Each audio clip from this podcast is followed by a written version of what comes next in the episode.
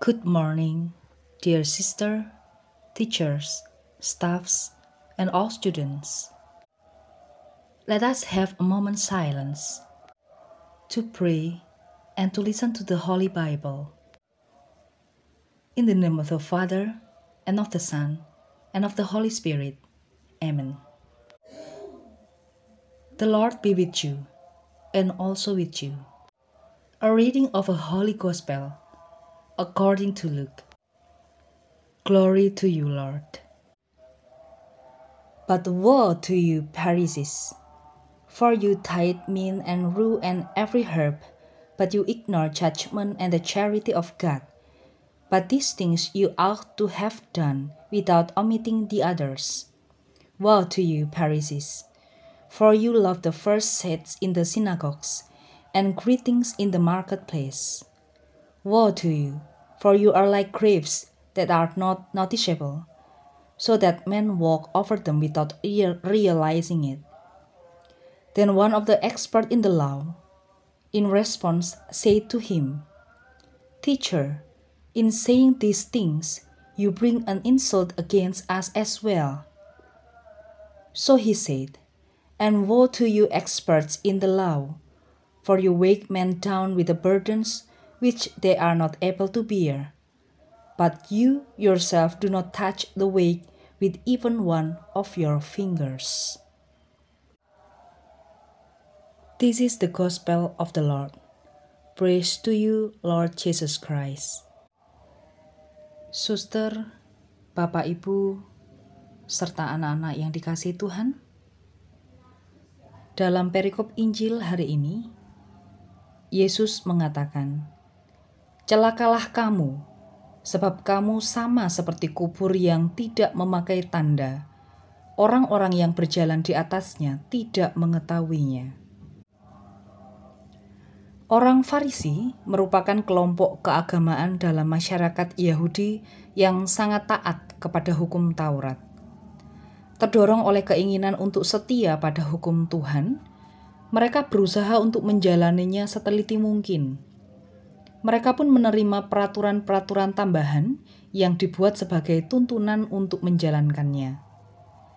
Kebanyakan ahli Taurat berasal dari golongan ini dan ajaran mereka memiliki pengaruh kuat dalam masyarakat Yahudi pada umumnya. Namun hari ini Yesus menyampaikan kecaman keras terhadap mereka. Mereka merasa bertindak sebagai orang-orang yang menaati hukum Taurat.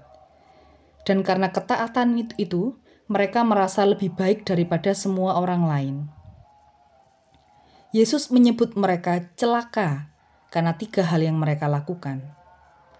Pertama, mereka sudah cukup merasa sudah cukup melakukan perintah Allah dengan mempersembahkan persepuluhan. Akibatnya mereka mengabaikan perintah Allah yang lebih utama, yaitu melakukan yang adil terhadap sesama dan mengasihinya. Seharusnya yang mereka lakukan adalah melaksanakan semuanya. Menyampaikan persembahan kepada Allah, mengasihinya, dan berlaku adil terhadap sesama. Kedua, karena merasa diri sebagai orang-orang yang taat kepada hukum Taurat dan dekat dengan Allah, mereka merasa lebih tinggi dari orang-orang yang lain. Di sisi lain, masyarakat memang memperlakukan orang Farisi secara istimewa. Mereka menikmati hal itu dan biasa duduk di tempat terbaik di rumah ibadat.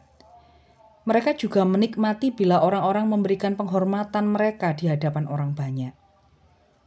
Ketiga, mereka sebenarnya mempunyai banyak kesalahan, tetapi menyembunyikannya seolah-olah mereka ini orang suci.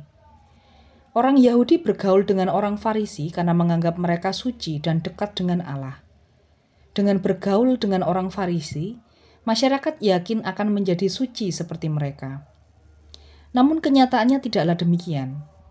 Dengan menyebut mereka seperti kubur yang tidak memakai tanda, Yesus menyatakan bahwa orang yang mendekati orang Farisi mencemarkan dirinya sendiri, bahkan dapat mengikuti kesalahan yang mereka lakukan. Bagi orang Yahudi, kubur adalah tempat yang najis, dan orang yang berjalan di atas kubur menjadi najis. Karena itu kuburan diberi tanda supaya orang menjauhinya dan tidak berjalan di atasnya. Kuburan yang tidak diberi tanda bisa membuat orang tanpa sadar dan tanpa sengaja menajiskan dirinya sendiri. Kebaikan dan keburukan yang kita lakukan dapat mempengaruhi sesama yang mempunyai hubungan dengan kita. Yesus mengingatkan agar para pengikutnya tidak berlaku seperti orang Farisi yang mengabaikan keadilan terhadap sesama dan kasih terhadap Allah, yang suka mendapat penghormatan dan membuat orang lain berbuat salah. Para pengikut Yesus dipanggil untuk menjaga kemurnian hati, supaya dapat mengabdi Tuhan dengan segenap hati. Amin. Marilah kita lanjutkan dengan doa.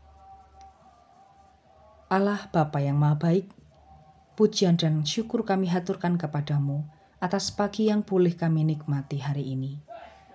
Terima kasih atas kesempatan kami untuk bisa menghirup udara segar. Kiranya Engkau menyertai kami senantiasa selama aktivitas kami sepanjang hari ini. Kiranya berkat-Mu turun atas kami semua kemuliaan kepada Bapa dan Putra dan Roh Kudus, seperti pada permulaan, sekarang, selalu, dan sepanjang segala abad. Amin. Dalam nama Bapa dan Putra dan Roh Kudus.